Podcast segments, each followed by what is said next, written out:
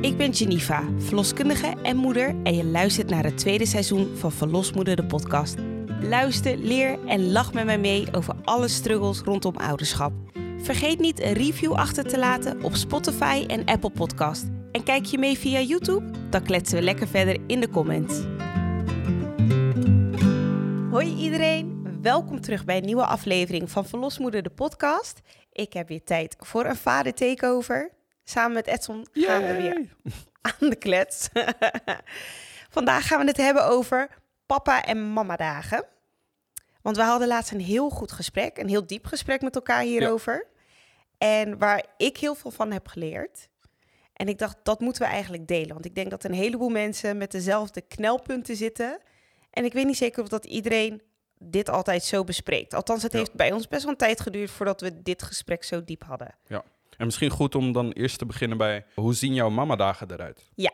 Ehm, meestal sta ik vroeg op, ga ik ontbijt regelen. En ik denk 9 van de 10 keer heb ik een uitje gepland staan. Dus dan ga ik of naar de kinderboerderij, of naar de speeltuin, of naar een museum, of we gaan naar een pluktuin. Meestal heb ik iets gepland staan en vaak plan ik dat in de ochtend. Want ik ben iemand, ik sta gewoon 's ochtends op en dan wil ik gewoon gelijk aan de slag. En dan in de middag doen we een dutje thuis. Soms samen, soms ga ik eventjes wat opruimen. En in de middag heb ik dan vaak wat gepland met een vriendin of met een ander. Of ik ga wat lunchen of ik ga in de avond ergens eten samen met, eh met Joen en dan een vriendin met een kind of zonder kind. Dat is een beetje een mamadag. Dan gaan we samen weer naar huis en dan eh, gaan we de avondroutine in en leg ik haar in bed. Ja. En dan ben ik gesloopt. ja, dat snap ik wel. Klinkt best vol. ja. Ehm, nee, mijn papadagen die zien er eh, vaak dan eh, als volgt uit. Is dat ik sta gewoon met haar op. Nou ja, dan hetzelfde. Gewoon een ontbijtje even maken. Dus geef ik haar pap of, of, of een boterham. Of ik maak een eitje voor haar. Nou ja, en dan blijven we eigenlijk gewoon thuis. Eh, kijk zij lekker tv en dan speel ik even met haar. eh, ehm, en dan gaat ze naar bed toe voor het dutje. ja. Eh, en na het dutje dan doen we of gaan we boodschappen doen, zodat ik voor haar dan kook. Of voor ons eigenlijk dan gelijk meteen. ja. Ja, Meestal aan de wandel eh, ja. richting... eh, dus dan gaan we ook even gewoon gezellig naar de supermarkt. Doen we boodschapjes voor de avond. En dan is zij hier gewoon thuis aan het spelen. En dan kook ik voor haar. En dan, ja, dat eigenlijk. En dan is het klaar. Heb, heeft ze gewoon een verse maaltijd. En dan gaat ze, ga ik ook weer de Ga je ook de avondroutine. avondroutine in. Ja, Het is een hele andere dag dan wat ik heb. ja, En daar ligt eigenlijk de crux van de issue die is ontstaan. ja. Die jij hebt gecreëerd. Die ik heb, die ik, ik, ik own deze volledig. Dus zeg Want maar, wat, heb- wat, wat was jouw eh valkuil? Of Wat- wat, wat vond je erg? Wat, nou ja, wat mijn, wat mijn valkuil is en waar ik echt, ja, waar ik achteraf dus heel veel spijt van heb, is dat ik heb geprojecteerd op hoe een ideale dag voor Juna zou moeten zijn. En dat vond ik dat jij dat moest evenaren. Jij moest doen wat ik deed. Dus weggaan, eten maken, spelen. Gewoon een hele event van de dag maken. Dat vond ik eigenlijk dat jij dat zou moeten doen.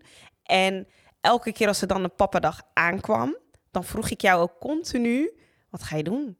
Ja, Waar ga je Waar ga je naartoe? naartoe? Ga je niet de- kaartjes voor je Ja. regelen? Ga je niet naar een museum? Oh, waarom niet? En dat voelde zo judgmental. Daar zat zo'n een oordeel achter. Waarin je echt gewoon... Ik voelde elke keer, oké, maar wacht. Dus ik moet voor mijn papadag, moet ik naar buiten gaan en met haar iets doen. Ja. Dus zelfs als het slecht weer was, zei ja, maar er zijn ook binnenlocaties. Je kan ook met haar naar de speeltuin. Je kan Ja. ook met haar naar de binnenplaats. Plastic binnen spelen. Ja, moet ik een of- kaartje voor je regelen? Moet, wanneer wil je dan gaan? Je hebt, je hebt nog nee, geen planning voor morgen. En daar zat elke keer zat er zo'n pressure achter. Ja. Ehm, en dat begon mij steeds meer te irriteren. Ja. Want In het begin kon je daar nog ja, wel in het wat begin mee. dacht ik van, nou ja, ik kijk wel wat ik ga doen. En ook, maar ook, in mijn defense, jij bent ook niet iemand die dat snel zelf kon bedenken. Nee, want als ik. het niet zelf kon bedenken, dan vroeg ik het je wel. True. als ik zelf nee, iets- ik heb, ik heb ja, dit volledig, op mij, gezet. ge- op mij gezet. Dus Ja. als ik echt iets, en dat merkte je soms ook, Ja. als ik dan echt iets met haar wilde doen, dan vroeg ik jou gewoon, hey, Wat kan ik doen? Wat kan ik doen? Is er iets leuks? Want ik, was, ik ben ook een keer, en dat was de allereerste keer, ben ik met haar naar eh, Villa Zebra geweest. Dat, is, Ja. dat zie je praktisch om de hoek. Ja, Eh, en dat was de eerste keer dat ik, en dat heb ik helemaal zelf geregeld. ja, is een Eh, en dat is niet bijzonder. Ja. Maar als ik iets, echt iets met haar wil doen, dan regel ik het zelf. Ja. Vorige week was ik nog met haar, of twee weken geleden, was ik met haar naar de dierentuin geweest. Ja, Regel ik helemaal zelf. Dus ik plan hem zelf in. Alleen, jij plaatste een... Ja, een, Een moed erop. Een, een, een moed en, het, en je moet het zo indelen, want dit doe ik ook met haar. Ja. Want anders heeft Juna het niet leuk. ja, En toen je dat het laatst zei, dat raakte mij. Want toen dacht ik, hoezo of Juna het wel of niet leuk vindt? klopt. Het, het was anders geformuleerd in mijn hoofd. Niet dat Juna het niet leuk vond, maar ik zei van, eh, je heb, we hebben zo weinig Ja. dagen met haar. Dat is mijn intentie. Dus We hebben zo weinig dagen, zijn. dus die dagen moeten geweldig zijn. Ja. En dat is, ik denk, mijn mom guilt die er heel erg in zit. Van, oh, ik werk. Ik heb drie dagjes vrij in de week, max. Waarvan eentje meestal een dienst uitkomt. Dus nou, is het vrij als je 24 uur op bent? Nee. 9 van de 10 Nee, keer dan ben je kapot. ben ik kapot. Ja. Dus de, de twee dagen die ik dan met haar heb, die plan ik dan ook echt in als in... This is gonna be the best time of your life. Ja. En dat, dat, eh, dat maakte mij heel erg bang dat jij dan dacht van... Ja, maar ik ben te moe, dus dat, ik ga niks doen. En dan dacht ik, "Oh, maar dit is de enige dagen dat ze met jou heeft. Ja. Dus die moeten geweldig zijn. Ja. En ik probeerde jou dan altijd uit te leggen van... Ja, maar ik doe gewoon een theekransje met haar. Ja. Dan ga ik een theekransje met haar doen. En dan Ja. zitten we gewoon te lachen. En dan kijken we samen iets. En dan, eh, dus wij hebben het gewoon Leuk. superleuk met elkaar. Ja. Maar dat probeerde ik je uit te leggen. Maar dat ergens was dat niet hetgene wat... Dat zat niet in balans met wat jij deed. Nee, het was heel. Jij legde dat heel subtiel uit. Ehm, en ik denk dat de bom pas barst op een moment. Nou ja, ik voelde me echt- schuldig. Dat ja, ik denk, dat ja, ik, ik doe echt maar die een- schuld op jou zette Ja. van, nou, waarom, waarom blijf je nou? Doe eens niet zo lui. Waarom blijf Ja. je nou binnen? Ja, en ik dacht, ik doe maar een theekransje met haar. En jij gaat met haar eh dierentuin, een volle dag. En dan gaan jullie lunchen en dan gaan jullie uit eten. En ik dacht, ja, ik doe gewoon een theekransje met haar. En dat vindt Ja. ze leuk. En dan gaan we rolspelletjes doen. En dan, en dan zitten we hier. Of dan gaan we verven, tekenen. Dat, dat is gewoon iets wat we, eh, wat we, wat we binnen doen. En dat, en dat is. voelde ergens, door de pressure die jij plaatste... voelde dat ergens altijd minder dan wat jij deed. Ja, Totdat totdat bom- we dit gesprek hadden. de bom vorige week eh Ja. losbarstte. Toen had ik er echt zoiets van, maar, want je begon weer. Ik had weer een pappadag en, Ja. en je zei echt, en ik had niks ingepland. Ja. En je had echt zoiets van, ja, dus moet ik iets plannen? En daar zat echt de oordeel achter. En dan, ik, ik dacht echt, maar waar, waarom zit er zo... Ja. Ik kreeg het gevoel ja. dat ik daardoor een hele slechte vader was, omdat ik mijn dagen niet eh, aan het volplannen was, zoals, jij, zoals jij dat doet. Ja, en dat is ook, dat stamt ook af van dus het gevoel dat ehm, ik heel snel wil opofferen, me- mezelf volledig, om zeg maar het voor Juna leuk te willen maken. En dat, dat stamde af van het, eh, of althans, dat kwam ook, dat, dat gevoel dat ik dat op jou gooide, dat kwam van, ik moest een weekend werken. Dus ik was het hele weekend weg. En jij had een weekend vrij. Althans, je kwam vrijdagavond pas terug van je werk. Of vrijdagnacht, ik weet het niet eens meer. En toen zei jij, nou, dan eh, zaterdag gaat ze naar eh, jouw moeder. En dan haal ik haar zondag op. En toen was ik, maar hoe laat haal haar zondag op? Ja. Zo, en toen zei jij, ja, na haar dutje. Toen dacht ik, "Oh, dan heeft ze nog maar een halve dag met je. Ja. Dus niet eens een hele dag, maar een halve dag. Terwijl je, de, je, terwijl je thuis bent. Je, zaterdag was je thuis. En zondag zou je er dan oppikken. En toen zei je dus in de middag. En toen was ik, oké, maar wat ga je dan met haar doen? En toen zei je, nou, weet ik niet. Gewoon een beetje tv kijken. En toen, toen, was, toen heb ik echt mijn judgment erop gegooid, ja. Want toen dacht ik, nou... Nou ben je zaterdag, had je bij kunnen komen. En dan heb je zondag een halve dag. En dan ga je ook nog niet eens wat doen. Dat was echt heel lullig van me. Maar dat voelde ik echt, echt heel diep op dat moment. Ja. En je hebt me echt heel anders daarover doen terugdenken. Want nu ik terugreflecteer erop, denk ik... Oh my gosh, that's so mean. ja. That's so mean. Je geeft mij een enorme schuldgevoel. Ja, Terwijl ik denk, ik kan alleen maar haar de beste dag geven. ja. Als ik zelf ook gewoon... eh, want ik, ik heb draaidagen en die duren gewoon Ellenlang. makkelijk 12, 13, 14 uur. Ja. En dan heb ik gewoon doorgeknald. eh, en dan, Mentaal, en, en dan fysiek. mentaal, fysiek ben je gewoon kapot. Ja. En dan heb je gewoon één dag nodig om even bij te komen. Dus Ja. daarom gaat ze dan naar Ma. En dan, dan heb je net een half dagje nodig om nog even Eh, want Jij bent ook geen ochtendmens. ik ben geen ochtendmens. Eerlijk. Dus dan heb ik zoiets van, dan haal ik haar naar het dutje op. Maar dan gaan we ook wel echt iets leuks doen thuis. Ja, Eh, en daar zat een soort van een enorme judgment van jou achter. Wat mij echt best wel pijn deed. Want ik dacht, ja. ja, kut, nu ben ik een slechte pa. Omdat ik haar niet al zaterdag, omdat ik niet eigenlijk over mijn eigen grenzen heen ga. Om haar zaterdag de hele dag te hebben. ja. Eh, en dan zondag, en dan ben ik kapot. En dan mag ik maandag eigenlijk weer beginnen met, met, met, Met draaien. Ehm, ja. En dan ben ik weer eh, vijf dagen gewoon 12, 13 uurtjes bezig per dag. ja. En dan ben ik dat weer. En dat is gewoon dat gevoel.